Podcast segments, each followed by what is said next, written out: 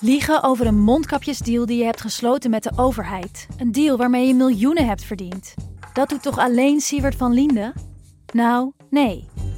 Ik ben Felicia Alberding en in de Mondkapjesmiljonairs duik ik met een team van correspondenten in andere schandalen. Want wist je dat Siewert helemaal niet uniek is? Luister de Mondkapjesmiljonairs in je Podimo-app. Of ga naar podimo.nl slash mondkapjes. En probeer Podimo 30 dagen. podimo.nl slash mondkapjes. Deze podcast is 100% expertisevrij en alleen geschikt voor amusementsdoeleinden. De inhoud mag niet worden beschouwd als financieel advies. Dit is Jong Beleggen, de podcast. Ik ben Milou. En ik ben Pim. Ik heb het wel een beetje gemist. Ja, het is goed om je weer te zien. Ja, insgelijks. En goed om weer eh, een microfoon voor onze snuffer te hebben, denk ik. Wat gaan we doen in deze aflevering? We gaan terugblikken op 2020. Ja, eh, wat voor rendement ik heb gemaakt. Mhm. Vooruitkijken naar 2021. Wat kunnen we verwachten? Ja, een hoop verandering hoor. Op een positieve manier. Ik ben heel benieuwd. We hebben de community gevraagd naar eh, hun topje 3 van bedrijven in 2021. Ja, de winnaars van 2021. Ja. Wat staat er op één? Just Eat Takeaway. Oké. Ga je nou gewoon gelijk al nummer 1 Ja, we hebben weggeven? het even gespoild. Ja. Ja. dat had ik eigenlijk niet moeten doen. Ehm, en we hebben het over WeTransfer. Ah, en Alibaba. Natuurlijk eh, iets wat interessant is om, eh, om op dit moment te volgen. Ja, want ik hoorde eh, dat de oprichter, Jack Ma, op mysterieuze wijze verdwenen is. Of is dat een beetje overdreven om het zo te zeggen? Maar dat valt wel mee hoor. Oké, gaan we beginnen. Ja.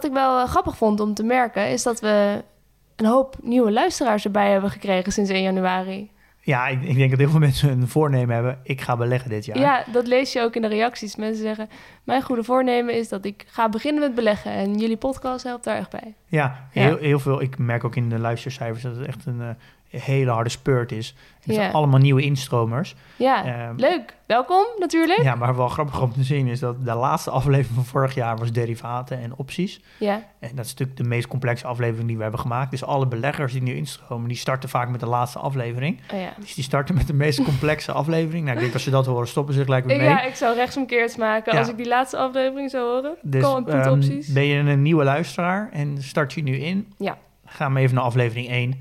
Eh, Precies. dan begrijp je uiteindelijk aflevering 33 ook wat beter. Ja, echt een aanrader om bij het begin te beginnen, inderdaad. Heb je veel boze reacties gehad van mensen die zeiden van... waarom zijn jullie er niet de afgelopen twee weken? Nou, ik heb wel wat, eh, eh, wat leuke appjes gekregen van eh, de, de- deze donderdag is niet meer hetzelfde. En, Oh, echt? ja, dat mensen de, het ritme missen. Ja. Nou, ik kan me er wel iets bij voorstellen. Je, ik luister zelf ook heel veel podcasts. En heel veel podcasts hebben een vast schema. En als dan, vaak ook koppel je dan dat moment van dat de podcast uitgaat. Ja. eh, ook met een bepaalde activiteit. Omdat je vaak eenzelfde ritme in de week hebt. En Ja, dat wordt dan in één keer doorbroken. Ja. Oh, ik heb dit helemaal niet, maar ik luister ook heel weinig podcasts. Dat is eigenlijk best wel raar voor iemand met een podcastbedrijf. Maar ik luister zelf echt heel weinig. Nee, ja, ja, ik, ja, ik niet. Ik luister heel veel. Ja. Dus in jouw vrije tijd heb je voornamelijk podcast geluisterd de afgelopen twee weken? Of nou, vrije tijd. Ik heb heel veel gewerkt. Oh, ja. Moest nog een project eh, afronden.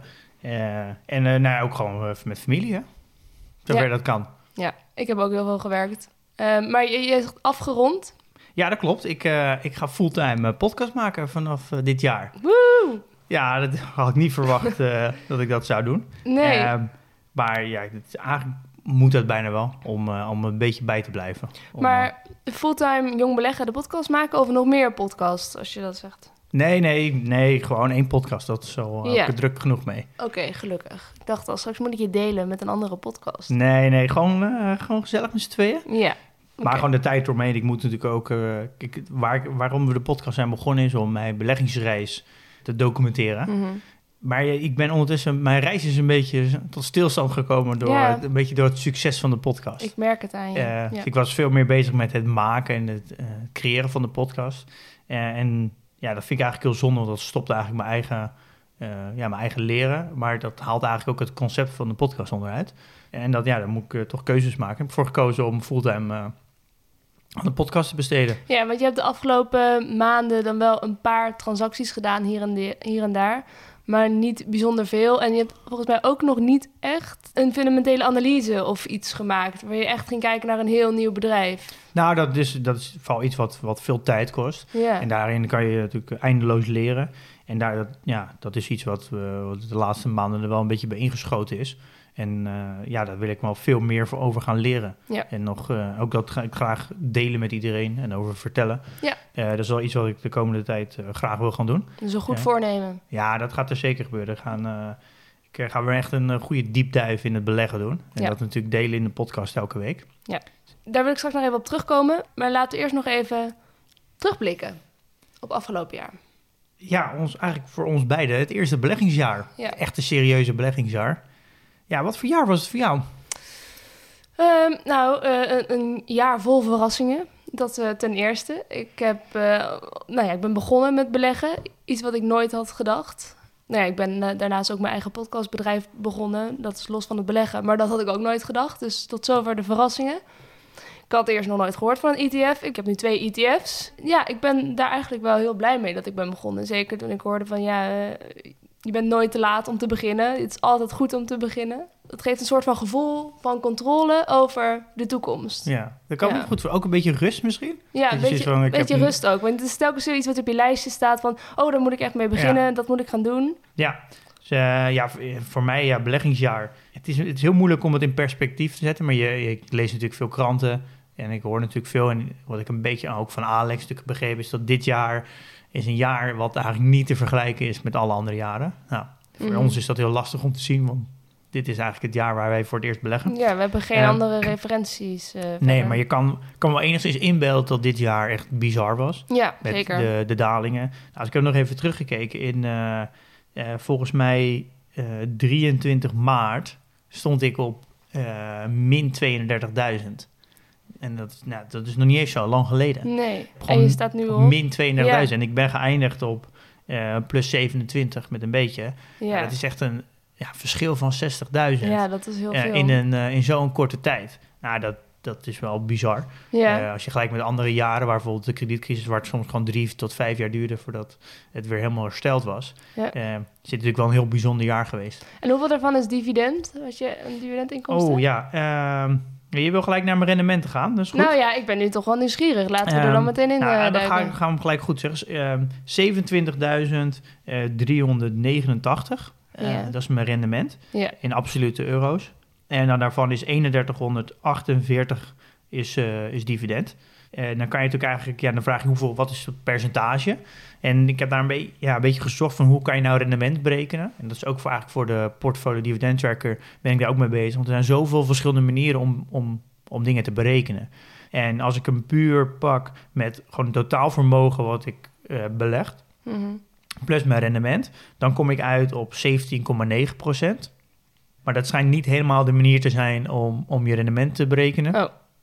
Want als ik bijvoorbeeld in, eh, zeg dat ik halverwege het jaar, zeg 1 juli, eh 1200 euro inleg, dan eh, heeft het eigenlijk maar voor 50% van het jaar kunnen renderen. Dus dan mag je het eigenlijk op je eindberekening ook maar voor 50% meewegen. ja. Eh, want als ja, zeg, stel je voor je, ik sta 31 december nog even wel 100.000 euro erin stoppen. Ja, dan kan je niet die 100.000 euro volledig meerekenen, omdat het maar één dag heeft gehad om te kunnen renderen. Dus je gaat ook een weging toepassen. Jeetje, ingewikkeld. eh, nou, valt best mee hoor. Je gaat een weging toepassen op je stortingen. Dus Ja. je moet eigenlijk zien, alles wat je in januari stort, dat tel je voor 100% mee. Dus, eh, Dus 12 twaalfde. Alles wat je in februari stort, tel je voor 11 twaalfde mee. Dus je gaat een, een weging hangen aan je storting. Nou, dat is, heb ik dus gedaan. En ik heb dus, in totaal heb ik dus 154.000 euro ingelegd dit jaar. Eh, maar als ik met die weging eh, ga berekenen, dan komt eigenlijk mijn, mijn weging, of maak ik mijn stortingen aan de basis van weging op 125.000.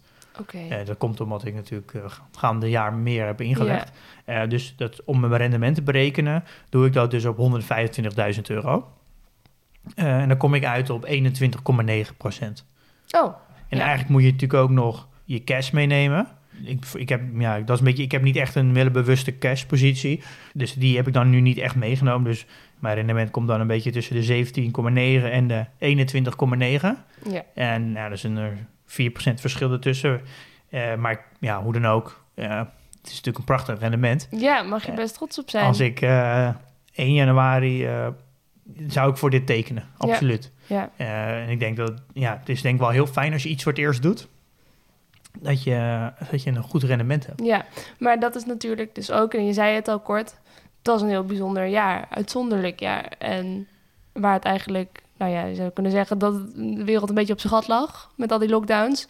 En ondertussen ging het op de beurs eigenlijk gewoon echt heel goed voor heel veel mensen. Ik denk dat heel veel jong beleggers ook vorig jaar vrij succesvol, of in ieder geval in de plus, hebben afgesloten.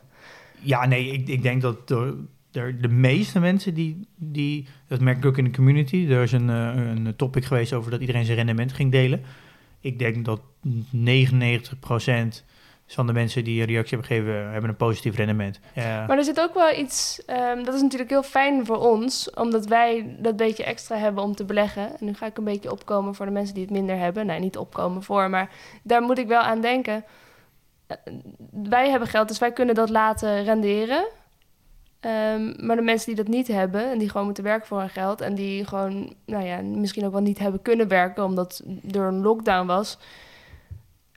Als je er zo over nadenkt, zouden best wel verschillen die er al zijn, ongelijkheden, al best erg kunnen vergroten eigenlijk na Ja, afgelopen absoluut. jaar. ja, dat klopt of volledig. Dat, maar dat is Toch eigenlijk heel is met elke crisis zo. Dat, na te denken. Ja, waarom dat eigenlijk? Het is eigenlijk best wel logisch uit te leggen. Dan komt namelijk in een crisis, dan gelden er namelijk hele andere regels. Dan, ja, dan gaan de verschillen heel groot worden. Dingen, eh, gaan, het gaat heel erg dalen, het gaat heel hard omhoog. Overheden gaan eh, en centrale banken die gaan eh, ja, markten proberen te beïnvloeden. Dus er gaat heel veel, gaat heel veel beweging plaatsvinden. En ja, als de dingen veel bewegen, ja, dan, dat, zijn de, dat zijn de momenten om, Ja. om geld te verdienen.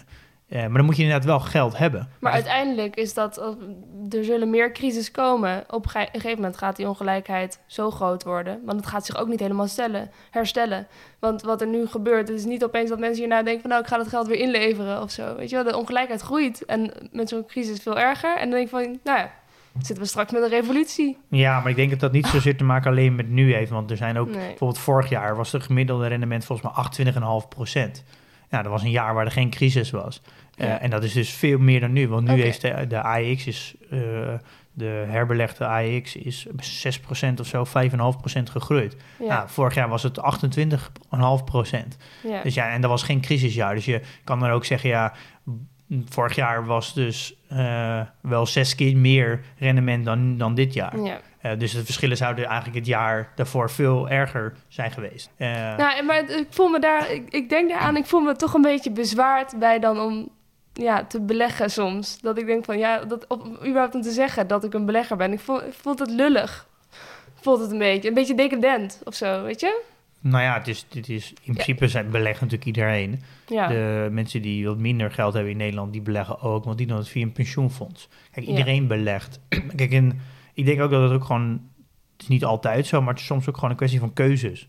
Eh, ik denk dat we in Nederland, ja, zelfs al heb je een minimumloon, eh, heb, je, ja, heb je het nog steeds niet heel slecht. nee. Eh, misschien vergeleken met je buurman misschien wel, maar als je het vergelijkt met andere landen is... Je kan volgens mij beter een van de armste zijn in Nederland dan eh, Jan Modaal in Afrika. Ja, Ja. kijk, de discussie over... over, eh, kan over- over- ja, ja het, het leven is niet gelijk. Eh, net als we over, niet overal gelijk geboren zijn... en dat we niet allemaal even slim zijn... eh, en dat niet, we niet allemaal niet even hard werken. Eh, ja, maar dat is wel, er zijn natuurlijk grenzen aan wat mogelijk is qua ongelijkheid. Beetje ongelijkheid is goed, maar, maar goed, andere discussie misschien ook. Dat ja, nou ja, dat is ik denk een algemeen topic in de hele wereld. Hè. Rijken worden steeds rijker. Ja, Ehm, maar als je wel verder. gaat kijken, echt, echt wereldwijd zijn er natuurlijk wel heel veel studies die laten zien dat, dat de armeren ook heel veel rijker worden. Dat, het, dat eh, over het algemeen het kapitalisme nog zorgt voor bredere welvaart. Ja, dat is natuurlijk wel heel duidelijk dat het wordt laten zien dat zelfs de, de armeren eh, ook steeds rijker worden. Eh, alleen dat ja, 10% omhoog voor een arme en 10% voor de rijken is nogal een, eh, is nogal, ja. is nogal een groot verschil. Ja. ja. Oké, nou, tot, eh, ja, dat, tot zover de terugblik. Ik heb geen rendement uitgerekend voor mezelf.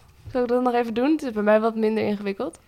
Nou ja, ik weet niet hoeveel je in de plus staat. Doet de portfolio dividend tracker dit trouwens? Kan die dit ook berekenen, je rendement over het Ja, afgelopen jaar? ja, ja. Ja, Maar we, we hebben nu nog een. eh, eh, deze manier die ik nu net vertelde over die wegingen, dat is nog niet ingebouwd. Dat gaan we dus binnenkort doen. doen. Ja. Eh, we hebben nu, we laten gewoon je complete rendement zetten we af tegen je vermogen. Plus je transactiekosten, invaluta en dividend laten we los zien. Oké. Ehm, maar ik begrijp nu dat dit de meest correcte manier is. Dus deze gaan we dan ook implementeren. Ja. Dus, eh, ja, ik ben eigenlijk echt eh, heel blij met, eh, met dit rendement. En als ik dan overdenk, ja, wat, wat is voor mij nou belangrijk? Wat, waarom beleg ik? En wat is dan het rendement wat ik verwacht? Dus ik, ja, ik merk ook wel steeds meer dat het, je gaat ook je hele strategie en beleggingsportefeuille sturen Mhm. naar hoeveel rendement je wil. Als ik verplicht 50% wil, dan moet ik gewoon een specifieke strategie gaan voeren, anders ga ik het nooit halen. Ehm, en ik zit toch wel een beetje in de hoek van vermogensopbouw, maar ook kapitaalbehoud. Mhm. En daar zit ik wel een beetje tussen. Ik, nu zit ik erg op dividendengroei en ik wil de dividend heel erg verlagen. En ik wil veel meer naar value gaan. En dat is ook iets waar ik juist die analyses veel meer over moet doen. Ik wil veel meer kijken naar wat is nou het bedrijf intrinsiek waard. En voor tegen welke prijs kan ik het nu kopen. Om ook een, ja, een, een soort van foutmarge meer in, in, mijn, ja, in mijn ko- aankopen te doen. Nog heel wat verschil hoor, want dividend en value, dat hoeft elkaar niet uit te sluiten. Nee, dat klopt. Nee. Maar hoe de, eigenlijk de algemene dividendstrategie wordt gehouden, is dat je, wordt, je kijkt naar wat keert een bedrijf als dividend Ja. uit. Ehm, groeit dat eh, over de jaren heen? Dus heeft het bijvoorbeeld al 40 jaar bereid dividend niet verlaagd. Eh, en dan maak je daar en dan ga je een beetje dollar cost average ga je erin. Ja. Eh, en dan ga je ervan uit dat het bedrijf de komende 40 jaar ook nog zijn dividend verhoogt. Ja. En heeft het echt een moot, is een stabiel bedrijf, dus een blue chip. Dus het is een bedrijf wat eigenlijk niet meer weggaat. En neem bijvoorbeeld een Johnson Johnson. Mhm. En ja, daar kijk je eigenlijk helemaal niet naar wat het daadwerkelijk waard is. En die, dus Nee. eigenlijk, die soort bedrijven zijn altijd wel aan de dure kant. En dan ga je er gewoon in over tijd. En op een gegeven moment kan je dan leven van je dividendinkomsten. Ja, en bij value kijk je meer naar de intrinsieke waarde van een bedrijf. Ja. Een beetje meer Warren Buffett. Ja, weer Warren Buffett-stijl. Ja. Eh, en dat is denk ik wel de meest moeilijke vorm van beleggen. Mhm. Want je moet daar wel echt de cijfers in. En dat is wel iets wat ik wel steeds meer wil gaan doen. Ja, Ik wil uiteindelijk wil ik wel gaan leven van mijn vermogen. Ja. Eh, want dit is ook, ik heb geen apart pensioen. En dat doe ik bewust niet, omdat ja, dan kan je ook letterlijk pas met pensioen op je pensioenleeftijd. Ja. Het nut van vermogensopbouw is er niet als je, er, als je het alleen maar doet om meer geld. Ik, er moet wel een soort van doel achter zitten. voor jou is dat een soort van vrijheid dan. Nou ja, dit is gewoon mijn pensioen. En als ik eenmaal op een moment kom waar ik kan leven van de dividendinkomsten, dan ja, kan ik met pensioen in Ja. theorie. Wel- welke leeftijd denk je dat je dat gaat kunnen? Ja, dat is natuurlijk heel lastig om te zeggen. Want Ja, maar wat denk je? Je hebt wel een idee, toch? Ja, dat ligt er een beetje aan natuurlijk hoe... eh, hoe... Je hoeft niet precies te zeggen. Nou ja, dat is, moet ik even goed uitrekenen. Want ik Ja. weet natuurlijk niet... En het is- in je hoofd is het niet te doen om rendement op rendement te berekenen. Die, dat kan je als mens het niet. achtste wereldwonder. Dat, is, dat kan je als mens niet. Dus daar moet ik echt een toeltje voor gebruiken. Eh, kijk, in tien jaar, als je gemiddeld 8% rendement per jaar hebt... dan verdubbel je vermogen in tien jaar tijd. Dus ja, dan kan je zeggen dat... Ik, wat ik nu heb, als ik dat verdubbel in tien jaar tijd... Nou ja, dan, en ik leg wat bij, en dan moet het wel... eh in tussen 10 en 15 jaar moet het wel zeker kunnen. Ja, Eh, wat een vooruitzicht. dat zou, in, ja, als ik zo doorga, zou dat moeten kunnen, denk Ja. ik. Ja. D- dit is wel waarom ik het doe. Ik ben eigenlijk het idee begonnen, daarom heb ik zo'n hoog dividendpercentage. Dat heb ik eigenlijk volgens mij nooit verteld. Ik wil uiteindelijk leven van mijn eh, dividend. En dacht, ja, doe ik wat groei erbij, omdat ik dat leuk vind. Ja, Maar eigenlijk, ja, langzaam kom ik kwam daar natuurlijk nu langzaam achter dat het eigenlijk dat het op zich prima is. Alleen daardoor focus ik op in te vroeg stadium op die op eigenlijk vermogensbehoud. Eh, Ja. Dat wat natuurlijk Alex ook zei. Dus ik heb eigenlijk een Ja. strategie gekozen waar ik misschien iets meer waar ik mee moet eindigen, ja maar, niet mee, een, ja, maar niet mee moet beginnen. een beetje een volwassen strategie. Een beetje opa-strategie, als ik het heel onerbiedig mag zeggen. Nou ik heb eigenlijk een jonger- strategie begonnen waar ik mee moet eindigen. Dus ik wil dat nu gaan, komend jaar gaan vera- veranderen. Dus veel meer weer naar een groeistrategie, dus meer, meer vermogensgroei. Maar wel al in de kern wil ik wel al een stukje vermogensbehoud hebben. Waardoor ik wel al leer Ja. om daarmee om te gaan. En wil ik Ja. dat over jaren heen ga ik dat percentage gewoon vergroten. Eh, en zo ja, is, ja, ga ik geleidelijk in, verval ik in een nieuwe strategie. Verdomd verstandig. Dat is, eh, dat is een beetje het plan. Ja, dus we gaan de komende tijd heel veel leren over value investing. Daar gaan, we- dit, dit jaar kan je daar veel van verwachten. Ja. Ja, oké. Ehm, en natuurlijk ook groei. Groei, Ga ik natuurlijk ook, ja. eh, Precies. Ehm, Ehm, ja, zullen we even vooruitkijken dan? Want nou, we staan nu dus aan de vooravond van 2021. De vooravond, het is al begonnen. Laat ik het zo zeggen. Je gaat het helemaal richten op het podcasten. En dat vind ik eigenlijk best wel een eh, bijzondere keuze. Ook wel dapper. En ik vroeg me af, vind je dat niet spannend ook. Want je hebt nu een stabiel inkomen, redelijk stabiel. Je, je verdient in ieder geval geld. En met podcast is het iets onzekerder. En dat, al het andere zet je even helemaal opzij. Ja, nee, dat, ik heb natuurlijk dat is niet over één nacht ijs gegaan. Maar uiteindelijk wat me eigenlijk over de streep uh, heeft getrokken is dat um, we hebben met de podcast nu een extreem momentum. We mm. zitten uh, vorige maand geëindigd met uh, 200.000 luisteraars. Podcast heeft aan zich momentum, denk beleggen nu ook. Kijk, en ik heb een, een skillset waar ik um, in productontwikkeling, en dat is iets wat ik al twaalf jaar doe. Uh, dat verleer ik niet in een jaar. Nee. Die keuze, ik sta nu voor de keuze, maar die keuze is er over een jaar misschien niet meer. Uh, dus ik kies er liever dan voor om nu voor de podcast te gaan. Ook al werkt het na een half jaar niet of een jaar, dan kan ik altijd weer teruggaan in, uh, in productontwikkeling. Het is een soort vangnet. Uh, ja, maar ook omdat dit geeft mij nu het meeste energie. Dat is misschien ook als je ouder wordt, dat je ook wel leert dat je uiteindelijk veel meer moet leiden door, door energie en door waar je plezier, ja, waar je veel leert en waar je plezier in hebt, dan waar je het meeste verdient. Mhm. ja. Uh, meer merkt op een gegeven moment ook wel dat het ook een soort van gouden kooi wordt natuurlijk. Dat je, Hoe bedoel je? nou ja, het is allemaal, het is iets wat je goed kan. Het is iets wat je, waar je daardoor automatisch goed voor beloond wordt. Dus het is heel verleidelijk om daar dan te blijven. Want elke andere stap die je maakt, is hoe dan ook altijd eh, financieel gezien een stap terug. Ja. Dus dat, dat noemen ze dan een gouden kooi. Dat je eigenlijk niet meer kan veranderen omdat je, omdat je in zo'n luxe situatie zit. Ja. Um, maar eigenlijk langzamer ja, de, ja, ook wel je zin hebt om weer wat nieuws te doen. Maar dat je daardoor altijd uh, wat voor moet inleveren. ja, maar er zijn heel veel mensen om mij heen die ook willen beginnen met podcasten. Die zeggen van, Milo, ik wil een podcast maken. Heb je nog ideeën? Mag ik dit even tegen je aanhouden? Zoals ze dat dan zo leuk zeggen. En dan luister ik wel vaak en dan hoor ik het aan. En dan denk ik van, ja, er zijn nu zoveel podcasts. Het is heel leuk als je het wilt gaan doen als een soort van hobby-ding. Maar je moet wel echt goed nadenken, ja, kun je daar dan, als het echt je enige ding wordt, dat je daar geld mee gaat verdienen? Ja, misschien ook wel te maken dat we, we hebben daarnaast natuurlijk ook nog uh, de PDT. Ja. Ik ga ook uh, verder met PDT ontwikkelen en dat groeit natuurlijk ook heel erg hard. Heeft mijn aandacht ook nodig, dus dat Mhm. ga ik natuurlijk ook nog naast doen. Ja. Uh, dus niet alleen maar podcast maken. Wat ik eigenlijk wel, ik, ik wil graag nog beter leren beleggen. Ik heb, vind dat onwijs leuk om te doen. Om beter belegd te worden moet ik heel veel boeken lezen. Ik vind lezen heel leuk. Ik lees heel graag heel veel boeken. En dan, als ik daar ook nog eens podcast mee kan maken en ook nog eens een, een, een portfolio dividend tracker in kan ontwikkelen, heb ik natuurlijk een gelaagdheid aan uh, ja, die allemaal elkaar aanvullen. Ja. En dat is natuurlijk eigenlijk extreem compounding. Want als ik, als ik Ja. de ene doe uh, heel veel leer, dan word ik beter in het ander. Als ik de, de ander doe, word ik weer beter in het ander. En zo versterkt dat zich natuurlijk allemaal extreem erg. Ja, dat is eigenlijk een beetje de, de, de, de truc, denk ik ook, als je iets doet. Is, je, moet proberen alle tijdbestedingen de hele dag door elkaar te laten versterken. Allemaal naar hetzelfde doel Dus als ik ja, als in mijn vrije tijd, vrije tijd, dus in mijn avond, in weekend, dan ga ik boeken lezen, want dat vind ik leuk. Nou, daar Maar leer we ik. het niet over romans, denk ik. Nee, dat Ik, denk ik, ik, nee. ik las ook dat jij elke week een boek wil gaan lezen. Dus 52 per jaar, komend jaar. Ja, dus ik, dat ben ik in tweede, heb ik in 2014 al een keer gedaan. Mhm. Uh, en dat wil ik nu weer gaan doen. Heb je nu je eerste dan al uit? Ik heb er al vier uit. Vier uit in één week? ja, Nee. Hoe Ja. doe je dat? ja, door gewoon uh, ja, geen, uh, geen Netflix te kijken. ja, maar alsnog. Wat voor boeken hebben we het over dan? Ja, beleggingsboeken. Uh, en nou ook wel... Uh, Heb je een abonnement op de bibliotheek? Of hoe, hoe kom je ook aan zoveel boeken? Ja, en gewoon elke week een hoop boeken bestellen. Ik heb een hele lange boekenlijst. Uh, maar ik heb, ik heb fysieke boeken. Ik heb mijn e-reader. En ik ga straks ook uh, luisterboeken nog doen. Dat Maar doen we dan ook van, nou, dan kunnen we ook vanaf nu elke week een boekbespreking kort doen. Ja, dat zou kunnen. Kan jij niet, vertellen welk boek je leest? Maar niet elk boek is, uh, is, Nee. is zo goed om hem te doen. Maar we, kunnen- we kunnen daar elke week wel van een topicje van maken. Nou ja, ja maar ik precies. lees ook boeken die niet re- rechtstreeks met beleggen te maken hebben. Ik lees ook boeken die uh, bijvoorbeeld de biografieën of bepaalde sectoren, of bepaalde innovaties. Ook wel boeken die, ja, soms, ik denk dat je niet alleen maar over beleggen moet lezen, want je moet op een gegeven moment ook lezen over, over nieuwe ontwikkelingen en Mhm. over, ja, uiteindelijk gaat het om dat je bedrijven beoordeelt in een bepaalde hoek. Dus je moet ook wat weten van bepaalde sectoren. Ja. Nou, ik ben nu waar ik binnenkort, ik heb wat start-up boeken ook. Dus ook productontwikkeling, dus, uh, businessboeken.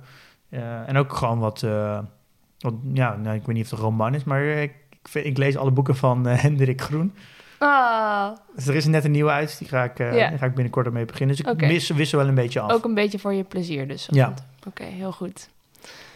Oké, nou dan ga ik je aan houden. Elke maar ik, boek, denk, we gaan, ik 52 kan wel, als ik een goed boek heb, kan ik wel, ga ik hem natuurlijk wel even delen. Ga graag, doe dat. Verder nog plannen? Ik denk dat wel een van mijn grote punten dit jaar wordt ook om PDT uit te bouwen naar een stabiel product. Ik heb zelf natuurlijk een portefeuille en dat wil ik zelf goed managen. Ik heb zelf heel veel behoefte aan, aan gewoon goede software om uh, portefeuille te managen. Ja. Nou, dat, eh, ondertussen hebben we dat duizend andere mensen die willen dat ook. En dat wordt wel een, uh, ja, een, een heel belangrijk punt voor mij dit jaar. Ik wil gewoon aan het einde van het jaar een extreem stabiel product wat gewoon goed werkt uh, voor iedereen. En dat voelt gewoon heel fijn als productontwikkelaar om iets te bouwen wat je zelf heel graag wil en waar anderen ook blij van worden. Ja, en al die vrienden die dan hebben meegeholpen daaraan, gaan we daar ook nog iets mee doen? Ja, dat zou ik ook heel leuk vinden. Ik, wat mij heel leuk lijkt om na de zomer, ja. Uh, dan moet het misschien kunnen, om, iets, om een fysieke bijeenkomst te doen een live een podcast op te nemen. Nodigen we alle vrienden uit. Oeh. Gaan we een biertje doen. Gaan we praten over beleggen. Ja. Elkaar een keer de hand schudden. Want ondertussen heb, ja, spreek ik wel dagelijks met de mensen uit de community. Maar het wel leuk is om eens een keer te zien. Ja. Uh, dus dat, het lijkt me ook heel leuk om, dit, uh, om dat dit jaar te doen. Om gewoon een fysieke bijeenkomst te organiseren. Zeker. Leuk, dus het moet, dat gaan moet we een doen. grote, grote hal worden. Want, In het uh, derde kwartaal moet het worden ook, geloof ik. ja, ja, ik hoop het wel. Oh ja, en een grote hal. Ja. Want ja. we- ja, straks als iedereen komt, dan zitten we met Nou ja, twee ton mensen. Nou ja, dus duizend vrienden die zullen misschien sowieso komen. En misschien zijn er dan meer. Oh ja, de vrienden natuurlijk. Dat is niet Ja. alle luisteraars. Nee. Ja, Ja, nou, misschien tegen die tijd wel. Ja, misschien wel. Dus dat is ook iets wat ik wel wil gaan doen. Een, echt een eh, bijeenkomst organiseren. Ja. Ja, dat is toch heel leuk. Ja, dat moeten we ook gewoon doen. Ja, Ja, ook een live een podcast opnemen lijkt me ook heel leuk. ik weet niet of ik, of ik dat kan, eerlijk gezegd. Want nu zitten wij lekker met z'n tweeën aan de keukentafel. Maar voor een publiek is echt wel next level, hoor. Nou, maar gaat helemaal goed komen. Oké. En ik wil wat vaker gaan reizen, maar ik weet niet of dat gaat lukken. Nee, ik weet ook niet of dat gaat lukken. Wat Nee. we doen, gaan we dat doen met de podcast? Dan moet ik even heen en weer of zo naar ja, Thailand. dat moeten we ook nog eens gaan uitvogelen. Ja. Waar zou je heen willen? Nou, ik heb een paar vrienden die wonen in het buitenland. Mhm. Eh, en die heb ik al meer dan, langer dan een jaar niet gezien. Dan, daar wil ik sowieso heen. Ja, en ook gewoon eh, lekker, eh, gewoon even lekker naar de zon. Ja. IJsland staat ook wel hoog op mijn lijstje. Maar dat is voorlopig nog niet aan de orde. Het vaccin komt, eh eer dat dat allemaal afgerond is, dan zitten we volgens mij eh, in de zomer, einde zomer. Ja. Dus tot die tijd, eh, Even blijven zitten. Ehm, dan nog eventjes vooruitkijken. Want je hebt een lijstje, stuurde jij mij van de week... over de, over de bedrijven die het heel goed gaan doen in 2021. Volgens vrienden van de show. ja, dat is wel leuk. En ja, het is toch een beetje de, en het jaar, ja, als je het jaar start moet je lijstjes hebben. Mhm. Dat is lekker. Eh, Lekker. Heb je lijstjes? Nou ja. Nou, we hebben gevraagd aan, eh, aan, eh, of in ieder geval iedereen in de community kon aangeven, al een lijst van alle Nederlandse aandelen, dus de small, de mid en de large cap en al de overige ook. Ja, wat zijn voor jou dan de, de drie winnaars van 2021? ja, en er is massaal gestemd. Ja, er is eh, heel veel gestemd en daar is natuurlijk eh, een, een, eh, heb ik even een top 10 van gemaakt. Mhm. Het is dus natuurlijk een hele lange lijst geworden, maar we hebben even de, de 10 grootste. En het is grappig dat nummer 1, dat is wel heel duidelijk, echt met kop en schouders, dat is Just Eat Takeaway. Eh, met 38,9 procent. De Ja. community verwacht dat dat de, de winnaar wordt van, eh, van dit jaar. Ja. En eh, nummer 2 eh, ASML en nummer 3 Proces. Eh, Met allebei 27 procent. Dus dat is ook technologie. ja. Eh, um, en dan Adyen op nummer 4. en Ahold eh, op nummer 5. Allebei eh, is 18, 19 procent. En Alphen op, eh, op 6. En dat is toch opvallend dat, eh, dat we dus allemaal verwachten... dat de winnaars van vorig jaar het ook dit jaar weer goed gaan doen. Ook wel een beetje logisch. Eh, ja, dus sommige zijn wat minder hard gegroeid dan de andere, maar toch wel allemaal weer winnen. Allemaal ook wat technologiehoek, behalve Ja. Ahold dan. Eh Alphen ook een niet echt technologie. En dan 7 eh, CM. En dan daarna Royal de Shell en Basic Fit. En dat zijn eigenlijk de, ik denk de enige twee verliezers van vorig jaar die er in de top 10 staan. Ik had wel wat meer verliezers verwacht van, van vorig jaar in de, in de top van dit jaar. Eh, maar blijkbaar vinden de, de vrienden dat de winnaars van vorig jaar dit jaar ook beter gaan doen dan de verliezers. Ja. Ja, op zich ook wel een logische gedachte. Het is ook wel, eh, over Ja. het algemeen doen winnaars het van de jaren ervoor ook de jaar daarna heel goed. Ja, ik, Het is eh, een veilige om daarop in te zetten. ja, ik eh, heb zelf ook eh, voor Just Eat Takeaway eh gestemd. Eh, ik ga daar binnenkort nog eens goed, eh, goed induiken. En ik, Mhm. ik overweeg heel erg om mijn positie daarin eh, te vergroten. Ik denk dat dit een aandeel is dat, eh, dat het heel goed gaat doen. Gaat ook nog de fusie afronden einde van het jaar met GrabHub. Krijgt notering in New York. Ja, ik denk dat dit een aandeel is eh, dat het heel goed gaat doen. Oké, maar wat was dus jouw topje drie? In ieder geval staat Just Eat Takeaway erin op... Proces had Op, maar. Just Eat staat op één? Ja, ik had, die geeft alleen aan de drie winnaars. Niet Oké, zozeer... Proces op nummer... of de Proces had ik ook aangegeven. Mhm. En dan had ik ook cm.com aangegeven. Nou, die, dat is eigenlijk is misschien wat raar, ik die zeven. zelf niet in mijn portefeuille heb. Ehm, maar ik, eh, ik moet daar nog even goed naar kijken. Maar het is een aandeel dat een hele kleine market cap heeft, voor mij uit mijn hoofd. Een half miljard. De kans dat een, een technologiebedrijf wat een, een hele kleine market cap heeft, dat dat hard gaat groeien, is gewoon aanzienlijk groter dan. Kijk, Adyen, als Adyen verdubbelt, dan gaat het over volgens mij even 50 miljard. Ja, Eh, dus ja, als eh, cm.com moet verdubbelen, dan gaat het over 500 miljoen dat is wel eh, echt iets groei. anders. Dus dat is nog wel anders. Dus ik denk dat dat, dat wat makkelijker groeit. Ja. Ik heb dat zelf niet in, eh, in mijn portefeuille, dus misschien ook wat raar dan om het aan te geven. Daar Ja. moet ik nog even goed naar kijken. Wat wel echt wel interessant is om te zien, dat, je, dat de AX is echt, echt een eh, heel hard tempo en technologie-index aan het worden. Hmm. En de AX performt ook echt wereldwijd gezien ook echt behoorlijk. Vergeleken met alle andere indexen. Als je vergelijkt met België is het echt een gigantisch verschil. Ene kant vind ik dat heel mooi om te zien. Technologie is toch de toekomst. Maar het is ook wel eng natuurlijk dat de AX steeds meer tech- alleen maar technologie wordt. Want daardoor is de spreiding natuurlijk in een index eh, natuurlijk steeds slechter. Ehm, maar als je dan ziet wat voor bedrijven er in de toekomst nog aan gaan komen. Met MessageBird, eh, Molly, nu, nou, dan ga ik gelijk al naar het nieuws gaan we zo over hebben. WeTransfer. Dat zijn allemaal bedrijven die meer dan een miljard zijn gewaardeerd. Maar die zijn toch niet... Is WeTransfer bijvoorbeeld Nederlands? Ja, ja. Ja, het is een van de eerste Nederlandse succesbedrijven als het gaat om technologie. Gebruiken mensen in andere landen ook WeTransfer? Ja, over de hele wereld. Oh, Maar dat zit allemaal, Dat er zit allemaal nu venture capital achter. Maar de, de waarderingen gaan allemaal over de, over de miljard heen. Mhm. Die willen uiteindelijk de early eh, investors en de founders en de, en de, ja, de venture capital bedrijven, die willen dat uiteindelijk ja, winsten gaan pakken. En ja, als er een goed jaar is om naar de beurs te gaan, is het wel volgend jaar. Want dat, eh, je, je wil dan de cijfers presenteren van 2020. En die zijn voor al die bedrijven natuurlijk echt fantastisch. Want Ja. het is een gigantisch goed jaar geweest voor technologie.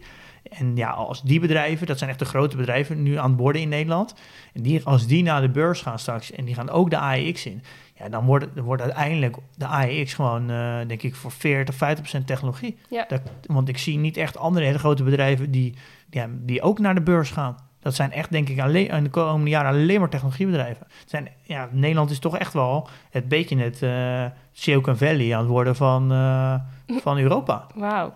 Ja, dat vind ik natuurlijk wel mooi. Omdat Ja, ik, dat natuurlijk, is ook ik natuurlijk in die hoek zit. Ja, ja, precies, Ehm, snap ik. Ja, je, dus, bent- eh, je voelt je helemaal thuis in Nederland. nou ja, dit is wel een interessante... Ja. Daardoor is de kans ook als, als je verwacht dat technologie het de komende jaren eh, goed gaat doen als sector, ja, dan is natuurlijk beleggen in de AEX dan natuurlijk helemaal geen slecht idee. Nee. Want ja, de AEX gaat gewoon een, heeft dan extreme beweging op technologie. Oké, ehm, nou, interessant. Ik heb er zin in, het komende jaar in ieder geval. Wordt een mooi jaar, hopelijk voor jou ook. Ik denk dat heel veel beleggers het, het volgend jaar best wel moeilijk gaan krijgen, omdat ik namelijk denk dat de, de meer een, een, een eerlijke verdeling gaat worden volgend jaar. Dus 50% van de aandelen gaan het goed doen, 50% gaat het niet goed doen. Vorig jaar was het zo ongeveer 80% deed het goed Ja. en 20% niet als je na maart bent Ja, ingestart. dus het kan niet anders dan dat er meer verliezers nu gaan komen. Ik denk dat, eh, dat je dit jaar gaat merken dat, je, ja, dat er verschillen worden gemaakt tussen de mensen die echt een stapje willen maken om echt te leren beleggen. En daar de tijd in steken en dan die leercurve doorgaan. En dat er ook heel veel mensen, denk ik, eh, een paar keer een foute keuze maken omdat ze niet genoeg tijd insteken in wat ze Ja. kopen. En dan toch weer, ja, dat is op zich geen probleem natuurlijk. En dan meer terugvallen naar een ETF-strategie. Wat natuurlijk helemaal, helemaal Ja, fijn is als je ja. maar absoluut niet stopt. Eh, Ja. Ga dan lekker in een ETF. Dat is natuurlijk ook helemaal prima, zolang je maar blijft beleggen. Ja. Eh, En ondertussen, ondertussen zijn wij hier voor de nodige psychologische hulp en begeleiding. ja. Toch? In de podcast. ja, nee, ja, nee als je, je kan altijd een berichtje sturen als... eh, nou, dat moet ik eigenlijk niet zeggen. Nee, dat kan helemaal niet. Nee. Eh, nee, maar ik denk dat dat wel een, eh, een, ja, een jaar wordt waar, waar beleggers zichzelf gaan leren kennen. Ja. Eh, wat natuurlijk helemaal niks mis mee is, maar eh, Tijd om te leren, ja. eigenlijk. Ja. Volgens mij is het tijd voor de Portfolio Dividend Tracker Update. Ja, ehm, wij zijn eigenlijk vooral met data bezig geweest de afgelopen tijd. We hebben nu ongeveer 95% dekking van alle aandelen. Nou, volgens mij... Wat bedoel je precies met dekking? Dus Nou, jullie... we hebben volgens mij nu 220.000 verschillende eh, symbolen. Dat houdt in combinaties. Dus een, eh, bijvoorbeeld Apple is dan één bedrijf, maar dat is genoteerd op volgens mij acht verschillende beurzen. Mhm. Net de Vanguard, S&P is ook, zit ook op 12 verschillende beurzen. Ja. Dus dat bij elkaar opgeteld zitten we nu op 220.000 combinaties. Aha. Eh, ja. Nou, dat is echt heel veel. Ja. Maar nog steeds niet genoeg. Als iemand een portfolio inlaat, dan hebben we ongeveer 95% van jouw holdings, Ja. 90 tot 95% hebben we gedekt. En je wil maar- natuurlijk nog Maar we willen nog 100. Het is Ja. heel vervelend als één of twee aandelen in je portefeuille eh, niet erkend worden. Ja. Dus, eh, dan werkt natuurlijk gelijk je totaalbedrag niet meer. Mhm. Ehm, dus we zijn constant bezig met eh, zorgen dat dat voor iedereen, voor, voor alle vrienden, naar 100% gaat. Dus we hebben eigenlijk heel veel verschillende datasets nodig. En we hebben ondertussen zijn we bezig met de vierde dataset aan te sluiten. Eh, en we hopen daarmee eh, richting, wel echt richting 99% tot 100% te gaan. Daar zijn we heel erg mee bezig. Als allemaal achterkant werk, zien we heel weinig van, maar als dat eenmaal staat, Mhm. dan, ja, dan wordt het leuk. Want dan kunnen we ons alleen maar focussen op functionaliteiten Op nieuwe En- foefjes. ja, dan kunnen we nieuwe dingen maken. Ja. Eh, en als, dat, als we daar eenmaal zo, dan, dan gaat de ontwikkeling heel hard. Dan wordt het vooral zichtbaar voor de, Ja. voor de vrienden. Eh, dus daar zijn we de komende tijd eh, nog mee bezig. Oké. En dan hebben we in de afgelopen drie weken eh, een hoop nieuwe vrienden erbij gekregen. Eigenlijk te veel om op te noemen. Letterlijk, denk ik. Ja, Meer dan dat gaan, 200. laat, gaan we niet meer doen. Is- Echt? Het wordt er veel te lang, veel te veel. Maar dat is zo leuk. Ja, het zijn, er, het zijn er heel veel. Het zijn er dit keer meer dan 200. Eh, dus Oké. eh, dan ben je wel even bezig. Oké, nou ik laat het wel zitten. Bedankt voor eh, het worden van vriend van de show. Dan gaan we naar het nieuws. Ja, ehm, Je, je zei net al iets over nieuws. Je had al iets verklapt. ja eh, WeTransfer. ehm, Ja. Nou ja, dat is eigenlijk het eerste echt een Nederlandse ja, succesvolle start-up, denk ik. Ja. En het bestaat ook al echt heel lang. Een stapje terug. Eh WeTransfer is eigenlijk groot geworden ehm, omdat ze een van de eerste waren hoe je op een hele makkelijke manier bestanden heen en weer kon sturen. Ja. Nou, vroeger was dat echt een crime. Nu wordt dat natuurlijk steeds makkelijker. Wie kent het niet? Oh, Eh, ja. ik denk dat iedereen het wel kent. En waar ze dan vooral uniek in waren, dat ze dat super gebruiksvriendelijk deden. Zo min mogelijk stappen een bestand versturen. Ja. En dat de achterkant van de website, dat, wa- dat was reclame. Maar dat was altijd reclame waar je graag naar keek. Ja. Waar eigenlijk bij, dat je eigenlijk bijna niet eens ziet dat het een advertentie is. Nee, ik, ik zou dat namelijk ook niet hebben gedacht, eerlijk gezegd. Nee, het is dus advertentie. Ja. En ehm, ik denk dat, eh dat ja, WeTransfer daar eigenlijk wel een vernieuwend is geweest in de advertentiemarkt. En hebben eigenlijk bewezen dat je dus ook geld kan verdienen door, eh, door mooie advertenties te maken. Mm. Nou ja, het bedrijf is eh, door de originele eh, founders is op een gegeven moment verkocht. Of in ieder geval een meerderheid verkocht aan venture capital. Eh, volgens mij hebben ze nog wel een belang in, maar ze runnen niet meer. De bedrijven zijn er allemaal weg. Ze zijn verder gegaan en het wordt nu gerund door gewoon een, ja, door gewoon een apart team. Mhm. Dat gewoon een werknemer is. En ze hebben volgens mij in 2018 een heel nieuw team aan, een nieuwe CEO, een nieuwe CFO. Het zijn echt zwaargewichten met het idee we gaan WeTransfer naar de beurs brengen. En ze hebben nu aangekondigd dat ze, nou niet helemaal officieel, maar dat ze dit jaar een, eh, een IPO willen doen. Oké, Eh, dus dat gaan ze, ze gaan naar de beurs. Ja, het is nog niet officieel bevestigd van WeTransfer dat ze dat een statement hebben uitgebracht. Ehm, maar er zijn er zoveel websites die erover geschreven dat het wel, eh, wel waar zijn, omdat Ja. ze in 2008 al hebben aangegeven dat ze Ja. richting een IPO willen Ja. gaan. Ehm, En dan komen ze naar AX? Nou, dat is dus nu de vraag. Kijk, het is natuurlijk nog geen beursgenoteerd bedrijf, dus je weet niet wat ze... Ze maken niks bekend over een omzet. Oké, ja. Eh, dus het is heel moeilijk schatten wat gaat de market cap zijn. Ja. Maar ze hebben vorig jaar hebben ze een fantastisch jaar gedraaid. Ja, de corona, iedereen moet bestanden versturen, alles digitaal. Eh, dus ze doen natuurlijk heel slim. Ze gaan waarschijnlijk de tweede helft van 2021 gaan ze naar de beurs, want dan hebben ze die jaarcijfers af. En ze gaan natuurlijk aan de hand van de jaarcijfers van 2020 gaan ze natuurlijk een IPO doen. Ja. Eh, want dat zijn natuurlijk de gigantische groeicijfers en daar gaan ze natuurlijk de, de waardering op bepalen. ja. Dus ja, dus ik ben heel nieuwsgierig wat de waardering gaat zijn. Want de waardering gaat bepalen welke index die ook in, in Nederland gaat komen. Mhm. Ze gaan in ieder geval een Nederlandse beursnotering doen. Had ook in New York gekund. Want ze zitten in eh, Las Vegas, New York en Amsterdam. Oké. Ehm, ik denk dat ondertussen het grootste gedeelte van de omzet uit Amerika komt, vermoed Mhm. ik. Maar dat ze toch voor Nederland kiezen, dat is natuurlijk heel mooi. Ja. Hoofdkantoor zit trouwens hier om de hoek bij mij. Oh, wat Eh, leuk. Hier in Amsterdam, Ja, ik loop er heel aan vaak het langs. water. Ja, dus het is een heel leuk bedrijf om, om te volgen. Ja, Ehm, ik, mooi nieuws voor de Nederlandse belegger. zeker. En Ehm, dan mag je ook kort nog wat vertellen over het mysterie van de baas van Alibaba. Of wat is het? De oprichter, ja. Ja, Jack Ma. Ja. Ja. ja, het is eigenlijk zo van probleem op probleem. Dat Jack Ma nogal wat ja, hoe zeg je dat, een beetje brutaal is geweest over de, het beleid van de Chinese overheid. Nou, als er iets is wat je niet moet doen, dan is het brutaal tegen de Ja, Chinese en dat overheid. begon zijn, natuurlijk met eh, de beursgang van de Ant Group. ik. Ja. Eh, en nu is eigenlijk, gaat het gerucht dat hij al een tijdje verdwenen is. ja. En nou, volgens mij klopt. maar Ja, ik heb het idee dat dat Oh. allemaal een beetje overdreven is. Dat hij misschien een paar dagen niet laat zien. Of dat iemand dan schrijft dat hij verdwenen is. Ja. Ik denk dat hij dan zo wel weer aan, boven tafel gaat komen. Ehm, maar in ieder geval wat er eigenlijk het, het, het verschil is om wel aan te, uit te drukken... is dat Europa en Amerika zijn allebei bezig met constant die grote monopolisten aanpakken. Nou, die, die eh, hebben het laatste keer, of we het vorig jaar nog over gehad... dat Facebook en Amazon op het, op het matje werden geroepen door de Amerikaanse overheid... Eh, maar het blijft allemaal wel een beetje blaffen, maar blaffende honden bijten niet. Mhm. Eh, in Europa en eh, in Amerika. Sterker nog, als die hoor, hoorzitting is geweest in Amerika, gaan de aandelen omhoog. Omdat alle beleggers vinden dat het maar een soort van grap is wat Amerika doet. Maar in China is het toch wel even anders. Ja. Die zijn toch wel echt eh ja, ingrijpen bij de, bij de grote techbedrijven. En dan gaat het dan vooral om Alibaba en Tencent. En vooral Alibaba met alle producten die er nog onder hangen, zoals een eh Ant Group. En dat is natuurlijk wel eh, een hele grote extra onzekerheid die je erbij krijgt als belegger in China. Ja, dat je niet weet hoe de Chinese overheid gaat reageren hierop. En dat is toch, beleggen is soms wel moeilijk. Helemaal als je losse aandelen doet. ja, maar met een wispelturige politiek En als je dan het- ook nog eens ja, een, een overheid hebt die, die ook niet echt te voorspellen is. Nee. En moeilijk te begrijpen is Ja.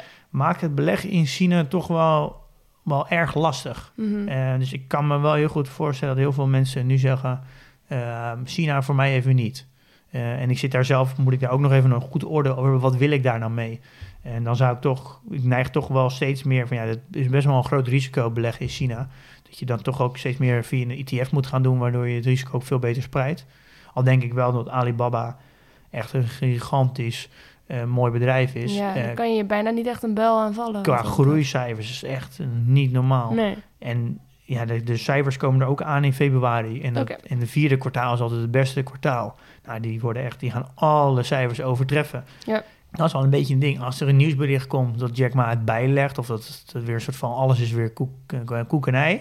Ja, dan gaat het aandeel natuurlijk ook gigantisch hard omhoog. Want de, ja, de, bedrijf is in, in eigenlijk wat het is, is het zwaar ondergewaardeerd nu. Maar vooralsnog is Jack Ma dus verdwenen. Als iemand hem ziet, laat het weten. Nou, dat zijn de laatste berichten nu, maar ik kan me niet voorstellen dat iemand echt verdwenen is. Ik geloof dat niet.